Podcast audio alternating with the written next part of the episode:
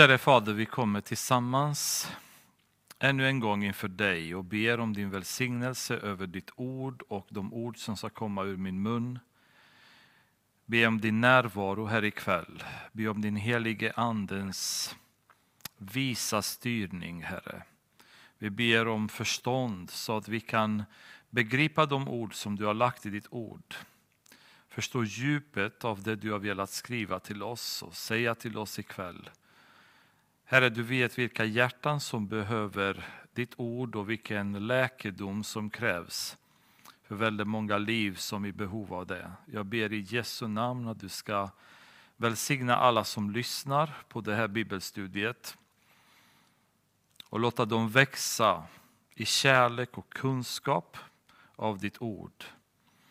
Åh Herre, jag bara ber för alla som verkligen lyssnar på de här bibelstudierna, att de förstår hur underbart det är att börja spendera tid med dig i ditt ord.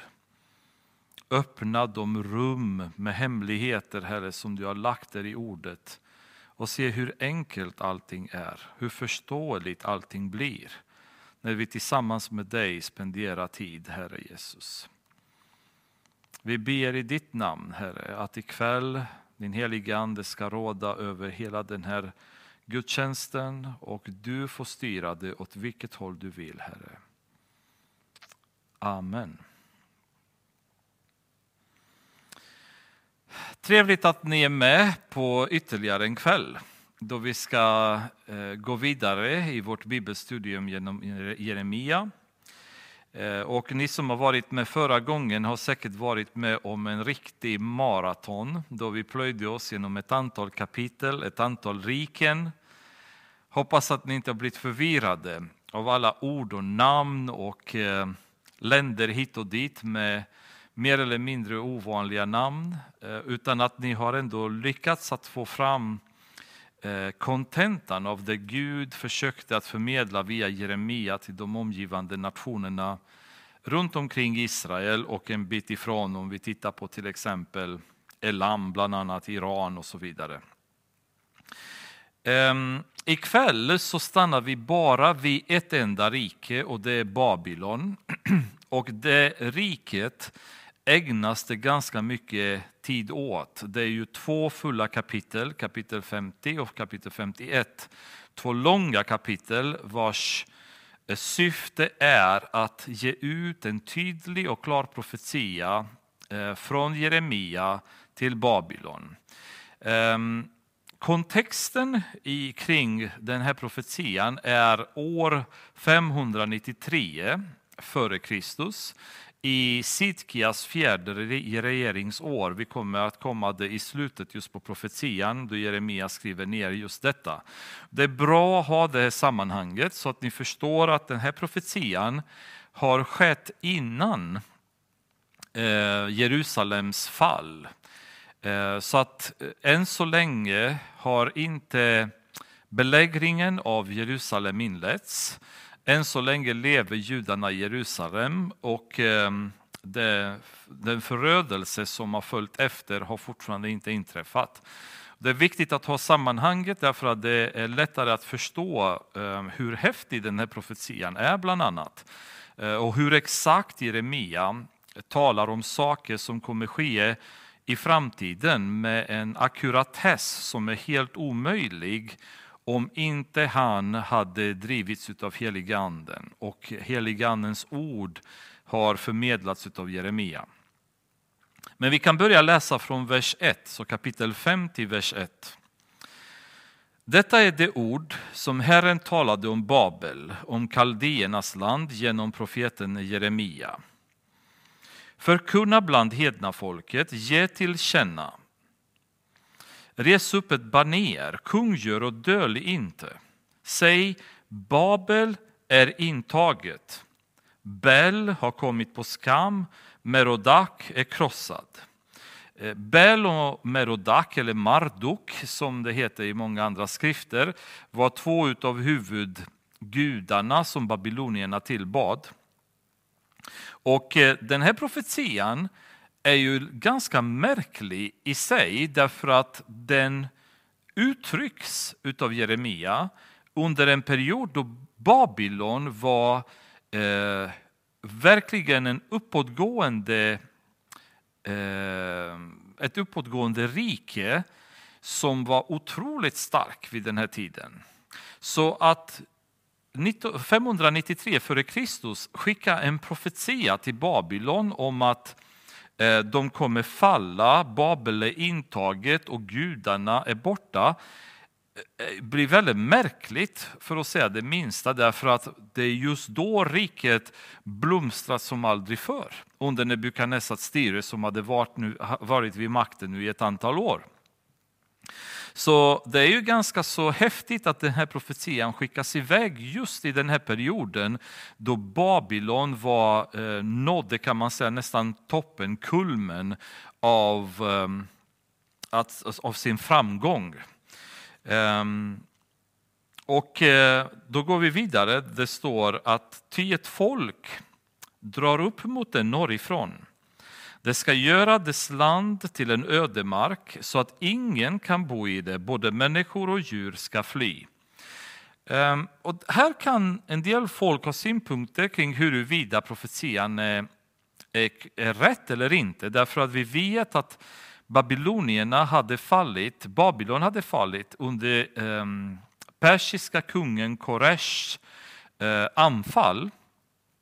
Och det är ju snarare så att perserna låg mer öster om Babylon, men man glömmer bort att perserna var i en allians med mederna och att det var mederna och perserna tillsammans som hade anfallit Babylon. Och man tror att anfallet har skett norrifrån, alltså från norra delen av Persien, södra delen av Medien.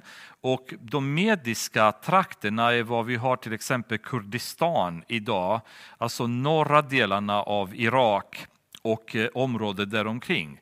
Så anfallet tycks ha kommit norrifrån i en allians mellan perser och meder. Och eh, de hade kommit ner mot Babylon som ligger ett antal kilometer utanför nuvarande Bagdad. I de dagarna och på den tiden, säger Herren, ska Israels barn komma tillsammans med judabarn, under gråt ska de gå och Herren sin Gud ska de söka. De ska fråga efter Sion och vända sig hitåt. Kom, låt oss hålla fast vid Herren i ett evigt förbund som aldrig ska glömmas. Så i de dagarna när Babylon kommer falla, då säger Gud att Israels barn och tillsammans med juda barn kommer komma ihåg Sion, kommer vända sig tillbaks mot Sion för att återigen återgå till en bra relation med Gud, till ett förbund med Gud. Och vi har pratat om det tidigare i kapiteln, att under ett antal hundra år nu så har Israel och Juda levt som två olika separata riken och till och med krigat mot varandra ett antal gånger, där Israel bestod av tio stammar och eh, Juda bestod av två stammar. Juda och Benjamin, resterande stammarna tillhörde norra riket då, som heter Israel. Och de har levt separata ifrån varandra i flera hundra år. Men när Babylon kommer falla och judarna kommer befrias därifrån och återvända därifrån hem till Israel, då kommer de återvända hem som en hel nation och aldrig någonsin därefter vara separerade igen. Ehm, så än idag är väldigt många som undrar var är de tio stammarna? Vad, vad är det som har hänt med dem? Och det är en del som har väldigt eh, märkliga tolkningar om var de här tio stammarna har tagit vägen, de så kallade förlorade tio stammarna. Och de är så pass extrema eh, förklaringar så att en del menar på att de här stammarna har på något sätt vandrat runt omkring i världen och eh, hamnat i England. Och eh, engelsmännen idag skulle vara ättlingar av de tio eh, judiska stammarna.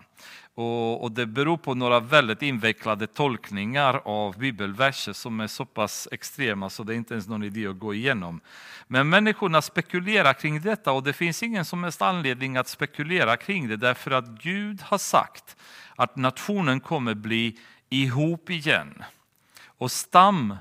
Tänket och den här divisionen som har funnits mellan dem tidigare inte kommer existera längre.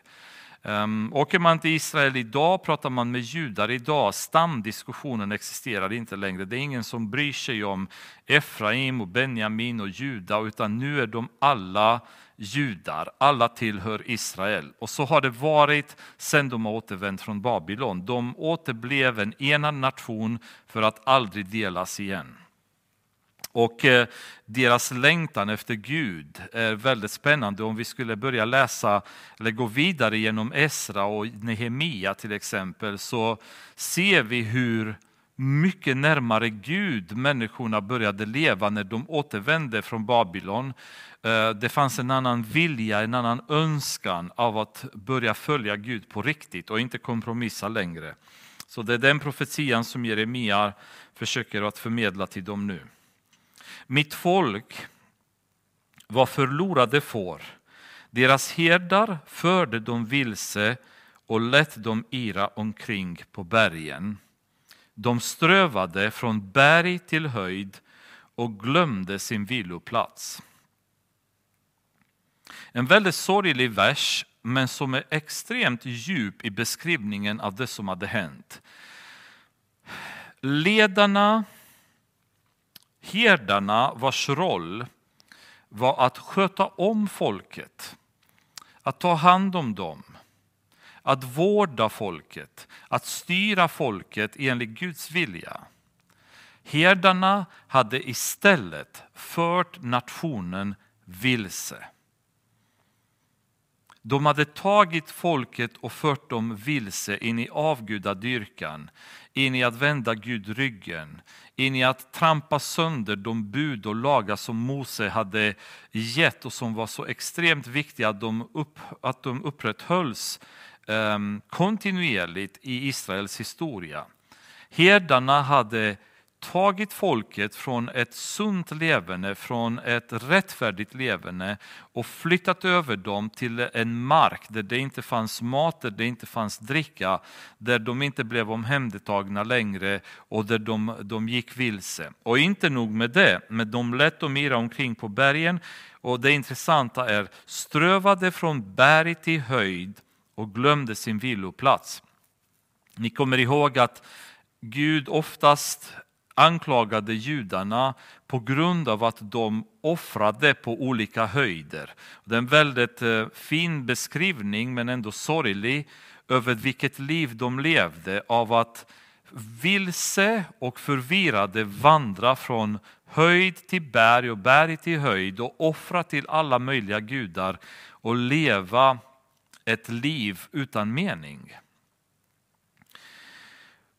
Och när jag läste det här så, så kom jag att tänka återigen på hur många församlingar som genom åren har letts vilse utav inkompetenta herdar. Av herdar som har negligerat Guds ord. De har negligerat sitt liv med Gud i bön. De har de har gett upp i att höra heliga andens röst och börjat predika sina egna åsikter. De har blivit äregiriga och högmodiga och stolta för att lyssna till någons råd. De har vänt Gud ryggen och börjat experimentera med allt annat i församlingen än att predika hans ord och upprätthålla ordet i församlingen. Som har hängett sig åt underhållning och andra aktiviteter istället för att koncentrera sig på Guds ord, det som är levande, det som kan verka i våra hjärtan, det som går att penetrera vår själ och börjar ge resultat när det sås i våra hjärtan. Och fokuset har varit hela tiden på att, att hålla kyrkorna fulla och predika det som människorna tycker om att höra och de öron som kittlas av ett speciellt budskap ska få höra just det budskapet. Så de har glömt bort Gud och vilselett församlingar, vilselett kyrkor. Matat inte nyfödda bebisar som har kommit till församlingen, nyfrälsta människor som har behövt matas och växa och lära känna Gud har negligerats och lämnats till att svälta ihjäl andligt sett. En tragedi har pågått i den kristna församlingen genom åren på grund av inkompetens bland herdarna.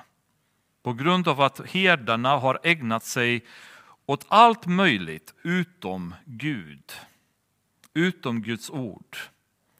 Och med en fokus, ett fokus som är permanent eh, drivet av det som världen vill se i församlingarna.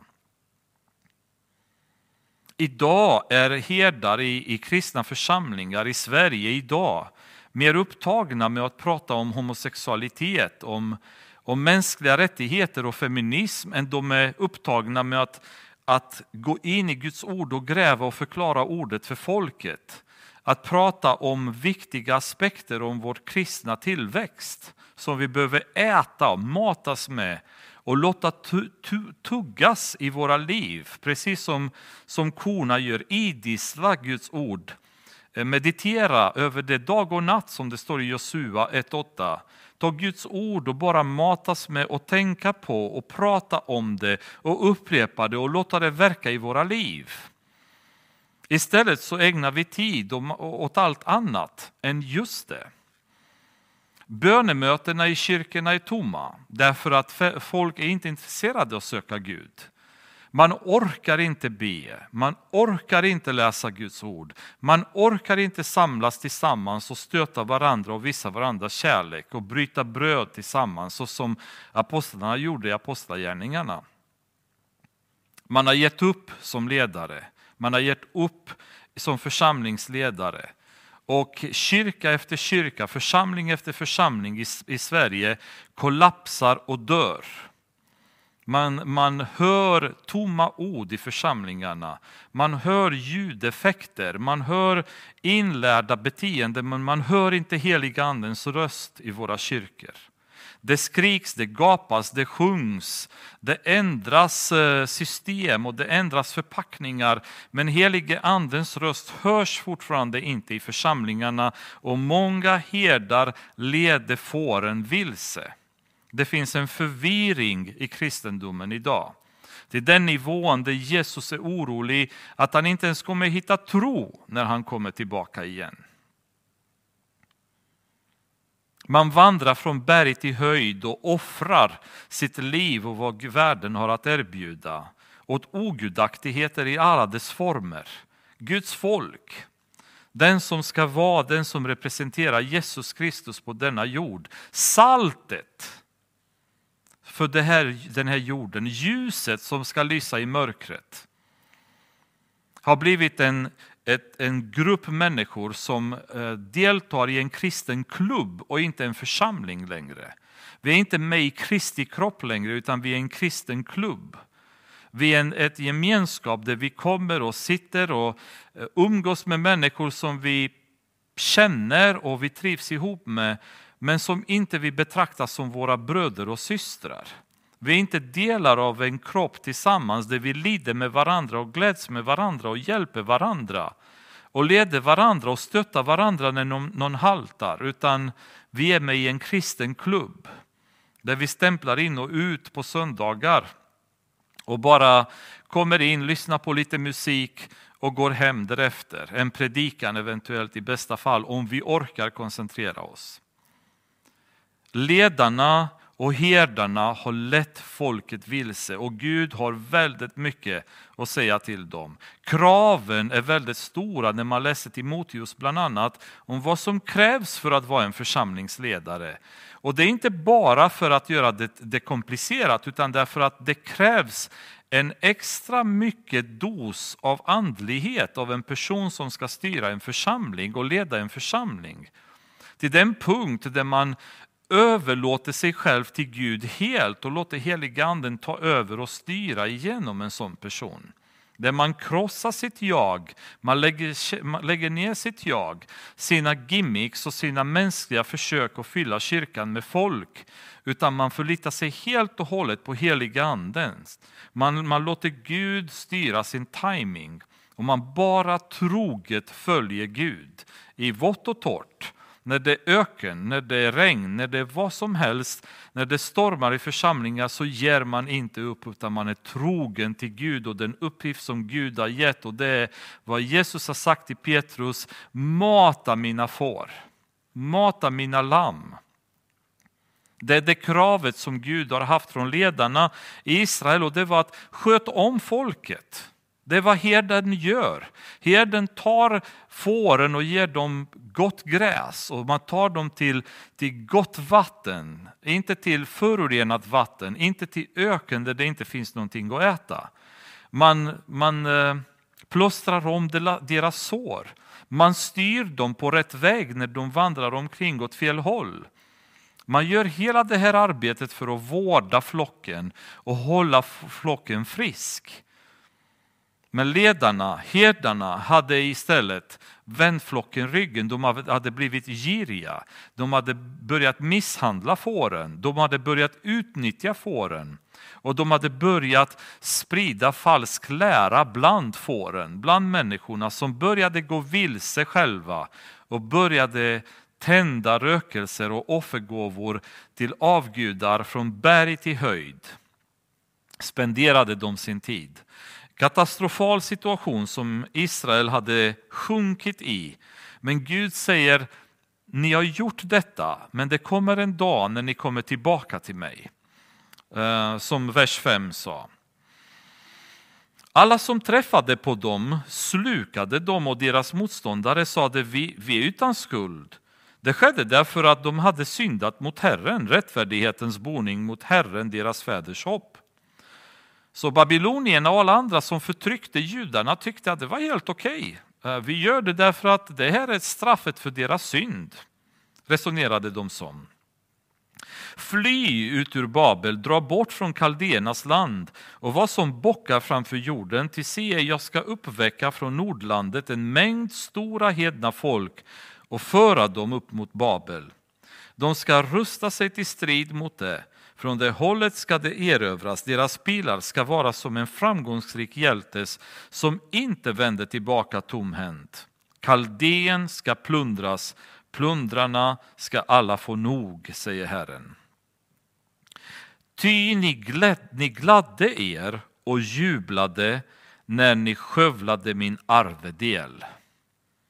Det här är anledningen till Babylons fall. fall. Eh, den anledning till att Gud tillät en annan att invadera landet och besegra det.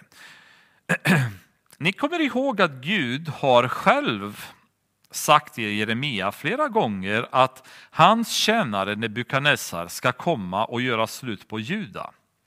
Gud hade själv tillåtit Nebukadnessar att göra det. Han hade använt sig av Babylon för att göra upp mot judarna, med judarna. Men det Gud hade emot babylonierna är att de gladde sig och jublade över den sorg som de hade orsakat Juda.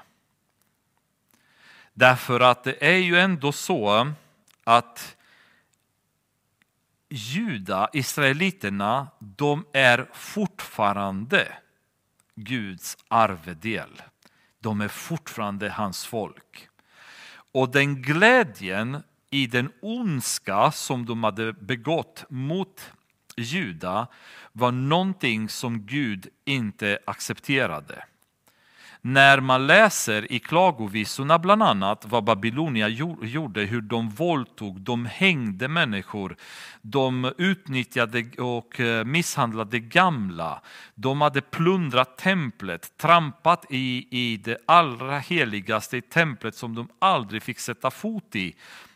Människor som inte inte var judar fick inte ens komma i närheten av templet utan de, de var i ett, en, på en gård utanför. De fick inte ens komma in i templet. Så att allt detta ser Gud och har emot dem. Han är emot dem därför att de gladde sig över den, den ondska som de hade begått mot judarna. Och det är väl också så att tyvärr så är kristna kyrkan, eh, speciellt katolska kyrkan, den som genom tiderna har orsakat judarna väldigt mycket problem och väldigt mycket förföljelse. Därför att de anklagats av katolska kyrkan för att vara de som har korsfäst Jesus. Och I många länder så har judar haft det väldigt jobbigt på grund av den förföljelse som katolikerna hade eh, startat mot dem. Det, det hat som de har spritt mot judarna i olika delar. Allt ifrån sydamerikanska delar till, till europeiska och afrikanska och så vidare därför att de ansågs eh, vara någon slags fallet folk som vi ska förfölja och utrota. De har glömt att läsa att de är Guds arvedel. De är fortfarande Guds folk. Gud fortfarande skyddar dem och han, han är väldigt mån om dem. Han straffar dem. Och han säger genom Jeremia flera gånger att du kommer, ostraffat kan du inte gå. Däremot så kommer jag rädda er sen, säger Herren. Och det är de bitarna som man har glömt även i kristna församlingar och även idag finns det ganska så spridd antisemitism i våra samhällen. Allt ifrån våra regeringar som missgynnar Israel väldigt mycket i Mellanösternpolitiken ehm, till eh, även församlingar, kyrkodenominationer runt om i världen. Man tänker på nazisternas eh, kampanj mot judarna. Det är samma sak där. Man såg judarna som eh, bara en nation som ska utrotas. En, en ondska som styrde dem mot judarna och man missade att judarna är fortfarande Guds arvedel. Gud vill att man ska välsigna det där folket och inte förbanna det. Man ska hjälpa det folket och inte eh, skälpa dem eller vara emot dem på något sätt.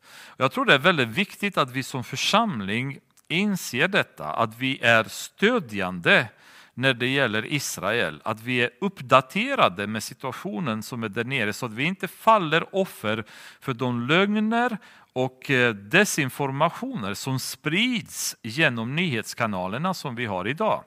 Det är helt fruktansvärt när man Titta på nyheterna många gånger eller diskussionsprogram på tv och se vilken inställning man har i Sverige idag gentemot Israel hur israelerna kämpar desperat för att behålla det här lilla landet som de befinner sig i och som är givet dem av Gud. Hesekiel bland annat har profeterat över just etableringen av det nya Israel 1948, 14 maj. Det är ju liksom någonting som Gud hela tiden har velat göra. Och man är hela tiden emot det i vår media. Man är alltid irriterad på Israel men glömmer bort att det finns en hav av människor runt omkring Israel som hatar dem och vars syfte är att till inte göra Israel till den punkten där landet inte existerar för judar längre. Jag tror det är väldigt viktigt att vi förstår det, att Israel är fortfarande Guds folk och Guds arvedel. Och detta höll Gud emot babylonierna och på grund av detta ett hårt straff skulle tilldelas dem senare och det är vad hela den här profetian i kapitel 50 och 51 handlar om.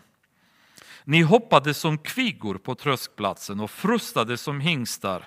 Er mor skall ändå fullständigt komma på skam. Ja hon, ja, hon som har fött er ska få skämmas. Se sist av hednafolken ska hon bli en ödemark, ett torrt land och en öken. På grund av Herrens vrede måste det ligga obebott och helt och hållet vara en ödemark. Var och en som går förbi Babel ska häpna och vissla vid tanken på alla dess plågor. Rusta er till strid mot Babel från alla sidor, ni som spänner båge. Skjut på henne, spar inte på pilarna, till mot Herren har hon syndat. Höj segerrop över henne från alla håll. Hon har tvingats ge upp, hennes stöd har fallit, hennes murar är nerrivna. Detta är Herrens hämnd, hämnas då på henne, gör mot henne som hon har gjort. Utrota ur Babel den som sår och den som i skördens tid brukar lien. Under det härjande svärdet ska var och en vända om till sitt folk och var och en fly hem till sitt land. Israel är ett vilsekommet får som jagats av lejon. Först slukade kungen i Assyrien det och till slut hade Bukadnessar, kungen i Babel, gnagt dess, dess ben. Så först hade Israel, norra riket, fallit under assyrierna och sen eh, många år senare då kom Nebukadnessar och invaderade Juda och tog över dem. Då. Så det är den beskrivningen vi får här. Därför säger Herren Sebaot, Israels Gud, så. Se, jag ska straffa kungen i Babel och hans land, liksom jag har straffat kungen i Assyrien. Jag ska föra Israel tillbaka till hans betesmarker och han ska få gå i bet på Karmel och i Basan. På Efraims berg och i Gilead ska han få äta sig mätt. Det här var ju de fina platserna i Israel, Karmel, man pratar oftast om, om eh, Basans kor där det fanns väldigt frodiga marker. Eh, Efraims berg, det var norra delarna av Israel. Och så Gilead som vi har pratat om tidigare som var som kurorten i landet med läkemedel och läkedom där många valfärdade till för att eh, bara njuta av det. Så Eh, Israel kommer att komma tillbaka till de platserna säger Herren. De kommer ta del av dem på nytt. I de dagarna och på den tiden, säger Herren, ska man söka efter Israel missgärning och den ska inte mer vara till efter Judas synder och de ska inte mer finnas, ty jag ska förlåta dem som jag låter leva kvar. Här är ju ett gammalt testamentaliskt passage av det, den Gud som vi känner till så väl i det nya testamentet. Nämligen Gud som förlåter och glömmer. Det är samma Gud i gamla testamentet som i nya testamentet. Och hans inställning är detsamma att när han förlåter så glömmer han. Och vad underbart det är att vi har en Gud som kan förlåta oss. För våra synder ibland är så stora och så avskyvärda så vi har väldigt svårt att till och med förlåta oss själva. När vi tittar i djupet av vårt hjärta. Har ni någonsin stått framför spegeln hemma, tittat på er själva och tagit en stund i vilket ni börjar meditera över er personlighet. Vem är jag? Vem är George egentligen när jag står och tittar på mig själv? Och när jag börjar gräva i djupet av mitt hjärta, vad är det jag ser? Vad är det jag hittar där? Hittar jag bedrägligheter? Hittar jag lögner? Hittar jag högmod? Hittar jag lust? Hittar jag dömande attityder? Hittar jag hat? Vad är det jag hittar när jag börjar analysera mig själv? Och jag lovar er att när ni gör det så kommer ni många gånger nästan vara tvungna att sluta. Ni vill nästan gå därifrån. För det blir för jobbigt att börja se sig själv. Men Gud ser oss men han glömmer bort vår synd när vi omvänder oss, när vi ber honom om förlåtelse och när vi kommer igenom Jesu Kristi blod som renar oss, då är synden borttvättad. Och det känns helt obegripligt att han skulle göra det. Men han gör det. Han gör det, inte för att vi är värda, utan för att Jesus har tagit våra synder på sig på korset. Det är enda anledningen till att Gud kan se på oss, förlåta och glömma därför att Jesu Kristi blod finns emellan. Och genom det blodet så kan vi bara se rättfärdiga ut i Guds ögon. För heliga andens sigill står på, på oss. Och det, får, det ska göra oss ännu mer villiga att leva ett rättfärdigt och ett hedligt liv med Gud när vi förstår detta. Att vi inte Ehm, um, tar för givet Jesu offer och fortsätter att synda och trampar hans offer och blod under fötterna utan att vi med respekt för Gud vill känna honom ännu mer. Men en jätte, jättefin bild utav den nya testamentaliska guden som vi så väl känner till genom Jesus Kristus. Men han var densamme i gamla testamentet. Och han är ju densamme här. I dagarna och på den tiden säger Herren ska man söka efter Israels missgärning. Och den ska inte mer vara till efter Judas synder och de ska inte mer finnas. Ty jag ska förlåta dem som jag låter leva kvar. Gud bestämmer att han ska förlåta dem. Helt och hållet. Det är helt fantastiskt att se den här nåden som Gud visar dem. Dra ut mot Meratajims land och mot invånarna i Pekod. Förgör dem och ge dem till spillo, säger Herren, och gör i allt som jag befallit dig. Det är stridslarm och stor förödelse i landet. Hur sönderbruten och krossad är den inte, den hammare som slog hela jorden. Hur har inte Babel kommit hedna folken att häpna? Jag lade ut en snara för dig, Babel, och du blev fångad innan du visste om det. Du ertappades och greps, ty det var mot Herren du hade givit dig i strid. Herren öppnade sitt vapenförråd och tog fram sitt redesvapen. Till ett verk hade Herren, Herren Sebaot, att utföra i Kaldenas land. Ryck fram mot det från alla håll, öppna dess förrådshus, kasta i en hög vad där finns som man gör med säd och ge det till spillo. Låt ingenting bli kvar av det. Döda alla dess tjurar, för ner dem till slakt, ve dem, till deras dag har kommit, tiden för deras straff. Lyssna till flyktingarna som söker rädda sig ut ur Babels land för att i Sion förkunna Herren, vår Guds hämnd, hämnden för hans tempel. Kalla samman bågskyttar mot Babel, alla som kan spänna en båge. Slå läger runt omkring det. Låt ingen komma undan vedergällde för dess gärningar. Gör mot det alldeles så som det har gjort, ty mot Herren hade handlat övermodigt mot Israels helige. Därför ska dess unga män falla på gatorna, alla dess stridsmän ska gå under på den dagen, säger Herren. Se, jag är emot dig, du övermodige, säger Herren, Herren Sebaot, till din dag har kommit, den tid då jag ska straffa dig. Övermodet var någonting som Babylon hade fallit i vid det här laget. De kände sig starka, arroganta, stora, ogenomträngliga. Ni kommer ihåg, ni som har varit med genom Daniel, där spenderade vi väldigt mycket tid att prata om just om Babylon och Nebukadnessar och den majestät som de hade skapat i Babylon. Staden som hade nästan 100 meter höga murar som var breda så att man kunde köra fem vagnar bredvid varandra på toppen av murarna och gick nästan 20 meter ner i marken. Där hade man skapat fantastiska trädgårdar, en arkitektur och en prakt utan dess like. Till den punkt där Nebukadnessar i kapitel 4, han ställer sig upp och säger, är det inte jag som har gjort allt detta?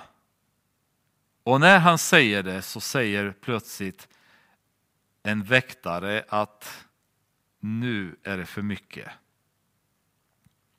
Högmodet hade blivit för stort och han blir slagen av Gud så att i sju år får han leva som ett djur i en kropp som eh, vars hår blir som fjädrar på honom, äter gräs och ligger ute och sover under bar himmel. Han går i någon slags galenskap som straff på grund av sitt högmod. Och det är det här högmodet som Gud adresserar här. Det hade kommit till en nivå där högmodet blir problematiskt. Och är inte högmodet roten till all vår synd egentligen? Det är det som började synden i Edens lustgård. Det är viljan att bli som Gud, viljan att ha samma kunskap som Gud. istället för att nöja sig med den position man hade då. vara under Guds auktoritet, leva med Gud på Guds villkor och inte på deras egna villkor. Och när vi syndar idag, vad är det som leder oss att synda? Ehm, jag skulle säga anledningen till att vi syndar och speciellt när vi gör det medvetet är det faktum att vi är högmodiga nog att tro att vi kan bestämma vad vi själva vill göra. Jag vill bestämma själv och därför tar jag det här steget. Jag vill ha kontroll över mitt liv och därför gör jag det jag gör. Och det värsta som finns inför Gud, det är högmod. Därför att det är ett sätt att ta bort hans auktoritet. Att placera oss själva som gudar över honom. Där vi själva bestämmer. Där vi själva har rätt till att ändra på saker och ting utan hans tillåtelse. Och det är oftast högmodet som leder oss till att begå synder därför att vi antar att vi kan tillåta oss själva att göra det vi gör. Då är det vi som har auktoriteten över våra liv och inte Gud längre. Istället för att ödmjukt stå inför Gud och inse att jag kan inte göra det här därför att Gud har beordrat mig att inte göra det. Jag, jag kan inte tänka de tankarna för Gud tycker inte om dem. Det är ju ödmjukhet. Men när jag börjar börjar kokettera med synden, börjar leva i synd, det är därför att jag är övermodig nog att anse att jag får göra det. Jag tillåter mig själv att göra det. Och det är ju redan ett sätt att, att ta ner Guds auktoritet på vår nivå och vi tar över det själva. Och det är den, det övermodet som Gud var emot i det här fallet.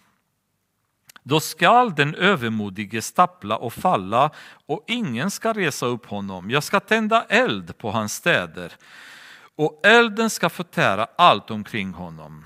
Så säger Herren Sebaot, förtryckta är Israels barn och judabarn med dem. Alla de som har fört dem i fångenskap håller dem fast och vägrar att släppa dem. Att släppa dem. Men deras återlösare är stark. Herren Sebaot är hans namn. Han tar sig an deras sak och skaffar ro åt jorden, men oro åt Babel, Babels invånare. Det är väldigt många nationer, eh, även förr i tiden och även idag under vår tid, har glömt är att när du ger dig på Israel där har du ett problem därför att Israel har Gud bakom sig. Gud är Israels återlösare. Alla de som har fört dem i fångenskap håller dem fast och vägrar släppa, släppa dem, men deras återlösare är stark. Herren Sebaot är hans namn, alltså härskarornas herre. Så vill du verkligen mucka gräll med härskarnas herre. Varför skulle du vara så fullständigt ehm, så att säga, omedveten om den risk som man befinner sig i när man ger sig på Guds folk? För då är det Gud som är bakom, han är deras återlösare. Och det är ju vad många genom historien inte riktigt har förstått att Israel är inte som vilket annat folk som helst. Israel är folket bakom vilken den levande skapande guden av denna värld finns och styr dem. Jesaja 54, vers 17 står det Inget vapen som smids mot dig ska ha framgång och varje tunga som upphäver sig mot dig ska du i domen döma skyldig. Detta är Herrens arvedel och deras rättfärdighet kommer från mig, säger Herren. Alltså, du bråkar inte med Israel, ungefär är budskapet som Gud ger. Låt bli Israel därför att de är min arvedel. Jag är deras återlösare. Och tittar man på deras historia, det finns ingen, jag skulle nog våga påstå, det finns ingen nation i världen som har en sån historia av Guds ingripande som Israel har haft. När han har tagit med dem på mirakulösa sätt från de situationer som har varit kritiska i deras historia. Ni kommer ihåg flykten från Egypten och när de har passerat havet, hur Gud gick framför dem och öppnade havet. De har kunnat passera havet, Röda havet, hela egyptiska armén inklusive farao har dött i samma hav som Gud har öppnat upp för judarna. När de kom in i Kanaan, ni kommer ihåg Jerikos murar som föll bara genom Guds styrka och kraft och ingenting annat. Ni kommer ihåg Jordankorsningen när Jordanfloden öppnade sig och de kunde gå på torrt land och passera rakt igenom. Ni kommer ihåg eh, kriget som Josua eh, kämpade och där Gud mirakulöst stoppade Eh, solen på himlen så att dagen blev mycket, mycket längre för att de ska kunna vinna striden. Vem kan skryta att man har varit med om sådana händelser? Ni kommer ihåg de 185 000 assyrier som Herrens ängel på en natt dödade därför att de vågade gå upp mot Juda, mot Jerusalem. Allt detta har Gud stått bakom och räddat nationen mirakulöst. Men allt detta kan vi säga, ja det är intressant, det är ju gamla skrifter, kanske var så, kanske inte, folk kanske överdrev, jag tror inte riktigt att allt som står i Bibeln stämmer och så vidare. Det finns de kritikerna som alltid har synpunkter. Men låt oss koncentrera oss på den moderna historien. Vilket folk efter 2000 år av att vara spridda runt hela världen, förföljda permanent, mer eller mindre i de länder de befann sig, lyckas att 14 maj 1948 återsamlas till samma nation, till samma land som de har kommit ifrån och starta ett land på nytt. I en situation som var så prekär så betraktades som nästan till omöjlig att kunna lyckas med. När omringade utav arabiska armén och anfall, anfallna av dem nästan omedelbart efter David Ben Gurion proklamerade oberoendet för landet och självständigheten så anfölls de utav en enorm makt av allierade arabiska länder runt omkring och ändå mirakulöst så vinner de kriget. Och läser man böcker om det kriget, de är så fascinerade så det är nästan eh, hårresande när de beskriver hur de hade, inte hade ammunition och kämpade mot, mot arméer som var välutrustade och de kom på bland annat att skapa någon slags kanon som bara gjorde massa oväsen men det, det spottade inte ut några projektiler. Och med dessa så skrämde de arabiska arméerna och på så vis så kunde de klara sig i eh, bland annat i Jerusalems eh, beläggning. Då. Alltså det är så, så fantastiska berättelser. 1967, ni som har någonsin läst om det, det är så fascinerande som man, man bara känner Gud, du är ju stor.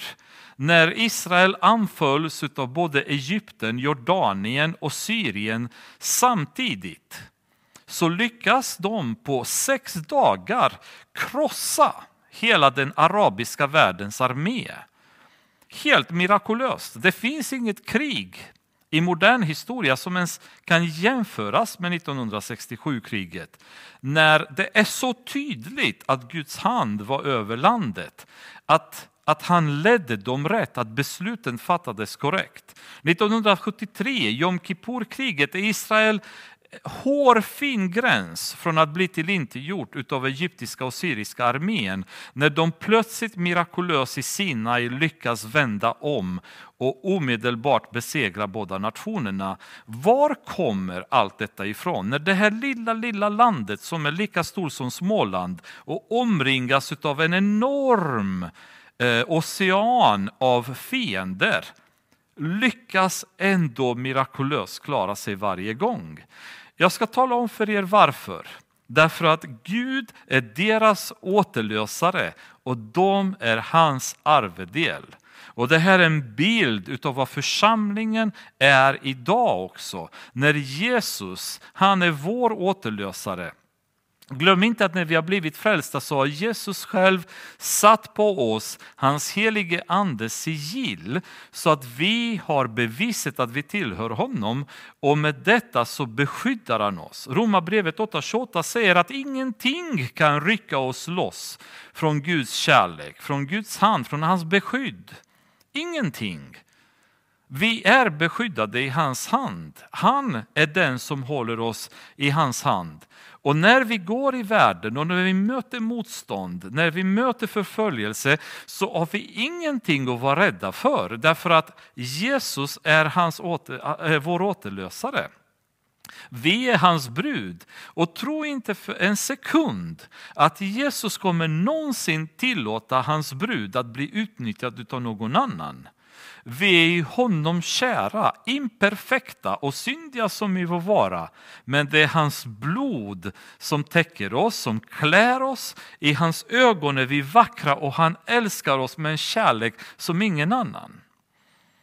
Det är otroligt spännande när vi förstår djupet av hur Gud tänker och varför Gud är så noga med att straffa de människor som har gett sig på Israel därför att det är inte vilken nation som helst utan det är hans folk och han är deras återlösare.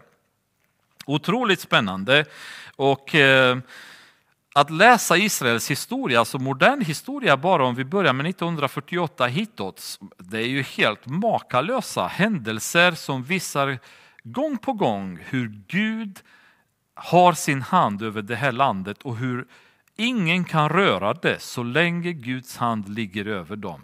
Det är jättefascinerande.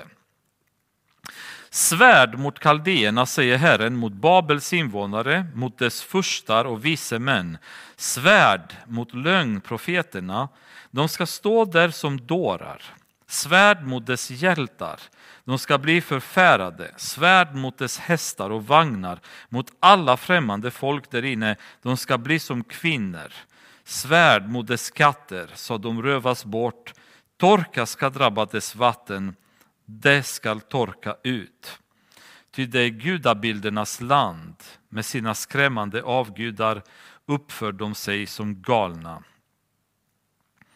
Lite intressant också, det står torka ska drabba dess vatten, de ska torka ut. Och det kan mycket väl vara också en referens till hur eh, Babylon föll. Eh, ni som var med i Daniel återigen, ni kanske kommer ihåg vi pratade om hur perserna gjorde. Och det var nämligen så att eh, Eufraten eh, rann rakt igenom Babylon. Och på så vis så hade de en permanent försörjning av färskvatten då, som de kunde använda, vilket gjorde att att belägra den staden var mer eller mindre omöjligt eftersom de kultiverade Eh, de hade lantbruk inne i staden så de försörjde sig med, med, produkter därifrån. Och så hade de permanent tillgång till vatten. Staden var enorm, den var be, eh, befäst med murar som ingen kunde penetrera. Men perserna kom på en smart idé och det var att dämma upp Eufraten och eh, skapa sidokanaler. Så en natt så Eh, stoppade de Eufratens kurs och avledde det åt olika håll och hela flodbädden blev tom. Och då kunde persiska trupperna komma under murarna in i Babylon. Eh, så att era vatten, vattnet ska torka ut. Det var ju fallet för staden helt enkelt genom att flodbädden blev möjligt nu för eh, perserna att komma in i staden igenom. Och sen var det ju också så att portarna, det fanns ju väldigt många portar som de hade mellan staden och själva floden. Och utan någon väldigt konstig anledning så var portarna öppnade just den natten.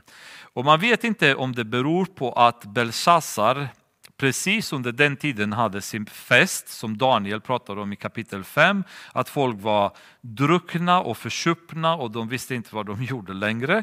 Eller om det fanns någon slags förräderi, det är ingen som vet exakt. Men det var ju uppenbarligen ett Gud, Guds tecken eller en möjlighet som Gud hade öppnat för perserna som gjorde att de kunde komma in i staden och besegra staden utan att ens behöva avfyra en enda pil. Det står eh, vidare, kommer vi till det.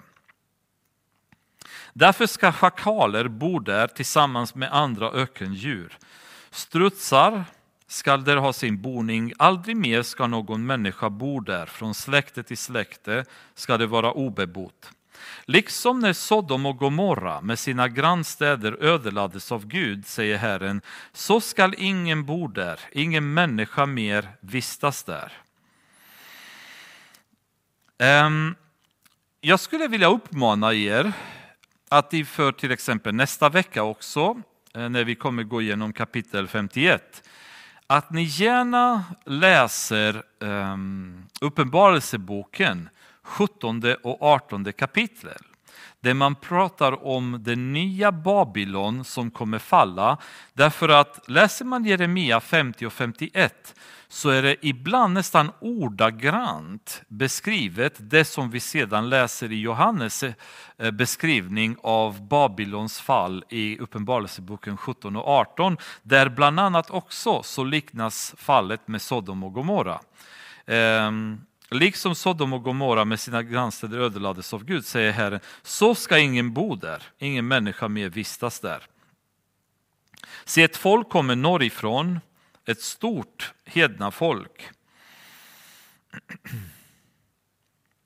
Många kungar reser sig från jordens yttersta ände. De har bågelans, de är grymma och utan förbarmande. Larmet från dem är som havets dån. På hästar rider de framrustade som kämpar till strid mot dig, du dotter Babel. När kungen i Babel hör ryktet om dem sjunker hans händer ner. Ängslan griper honom, ångest som hos en barnaföderska. Det här är ju helt fantastisk vers. Helt fantastisk vers. Därför att i Daniel, femte kapitlet, eh, beskrivs det att Belshazzar hade samlat in eh, massa folk och de söp helt enkelt. Samtidigt som belägringen av Babylon pågick och perserna var utanför så ställde han till fest och de drack och de hade det trevligt. Och inte nog med det, men då bad han mitt i alltihop att de heliga kärlen som Nebukadnessar hade tagit med sig till Babel till Babylon från Jerusalem, från Guds tempel, skulle tas in och så började de dricka ur de kärlen som var egentligen vidgade åt Herren och ingen annan fick röra dem. Och när detta skedde så kom plötsligt en hand på väggen i festsalen eh, som skrev tecken, tecken, uppfarsim. Vilket betyder ehm, du har blivit vägt och du, du har funnit saknande kan man väl säga. Det är en översättning av det. Det som hände dock när den här handen kom på väggen och började skriva Guds dom mitt i alltihop. Det är precis beskrivningen att kungens knän började skaka och slå mot varandra.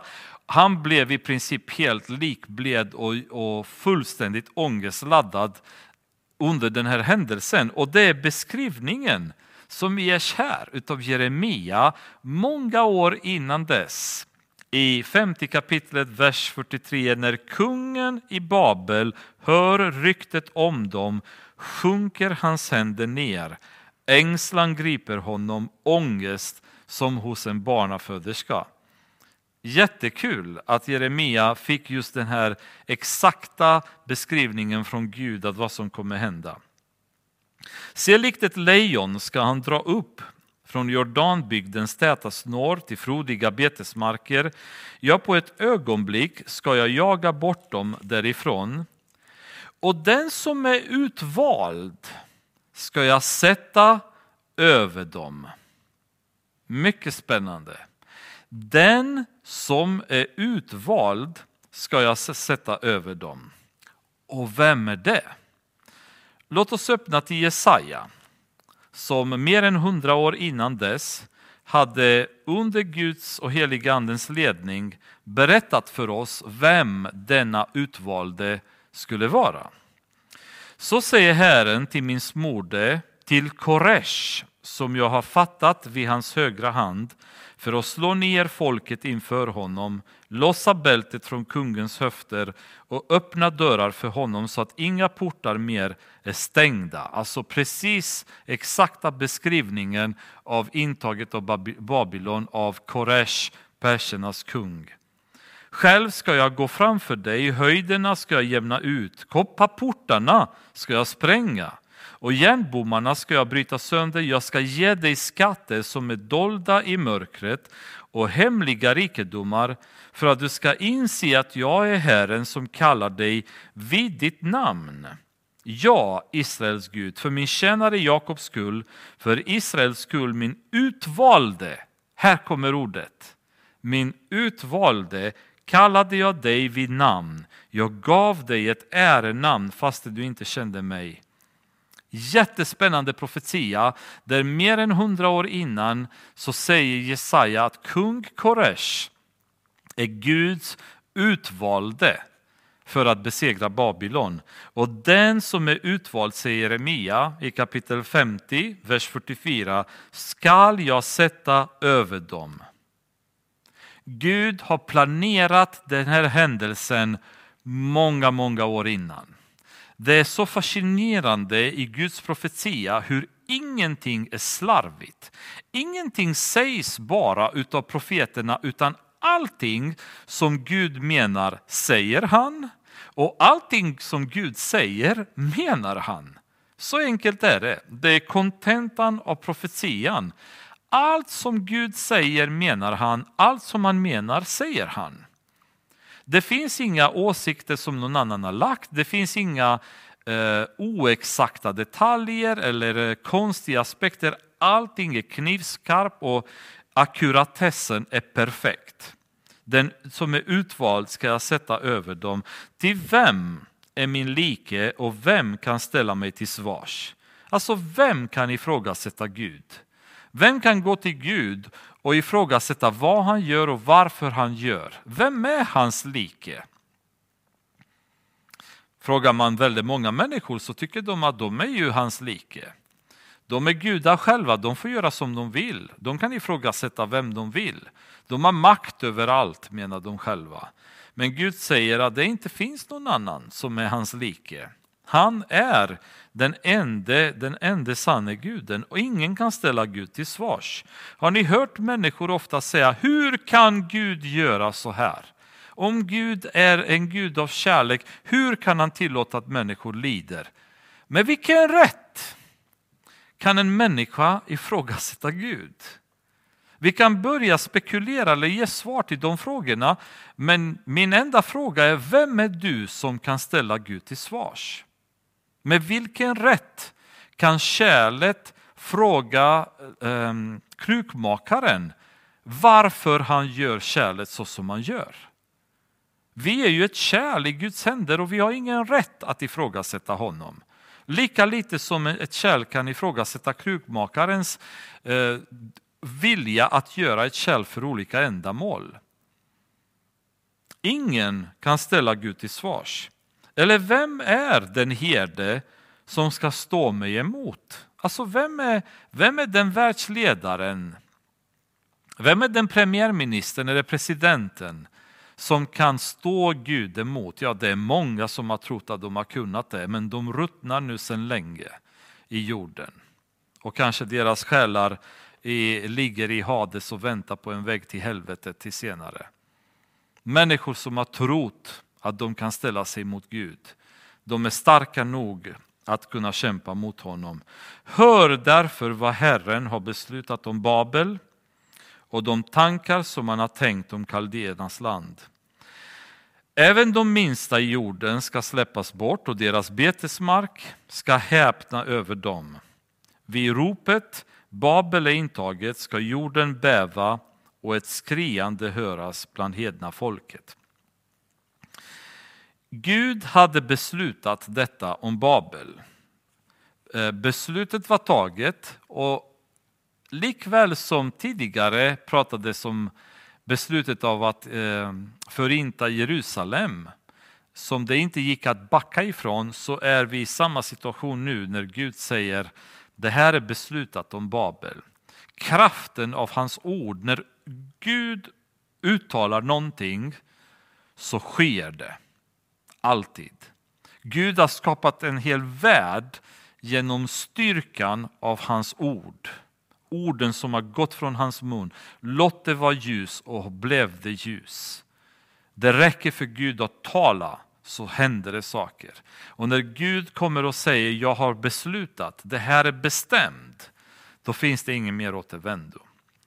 Vi kommer gå vidare kapitel 51 nästa gång och eh, Eh, gå igenom både 51 och sen 52, vilket är sista kapitlet i Jeremia. Eh, då vi kan, kommer sätta punkt för den här fantastiska boken med sista delen av Babylons profetia och sen en eh, sammanfattning kan man väl säga av det som hade gått igenom och, och Sidkias period som kung i Juda. Hoppas att ni har kunnat hängt med ikväll också, att det har funnits en del som ni kan ta med er. Och gärna återigen till nästa gång, eh, försök att eh, ta lite tid och läsa Uppenbarelseboken 17 och 18 kapitlet för att få ett mer eh, framtidssammanhang av det som Jeremia pratar om. Fader, vi vill med detta bara tacka för den här tiden som vi har haft tillsammans. Var med oss i veckan som kommer. Led oss varje steg vi tar. Låt oss få hålla oss nära dig, långt ifrån synd och nära relationen med dig.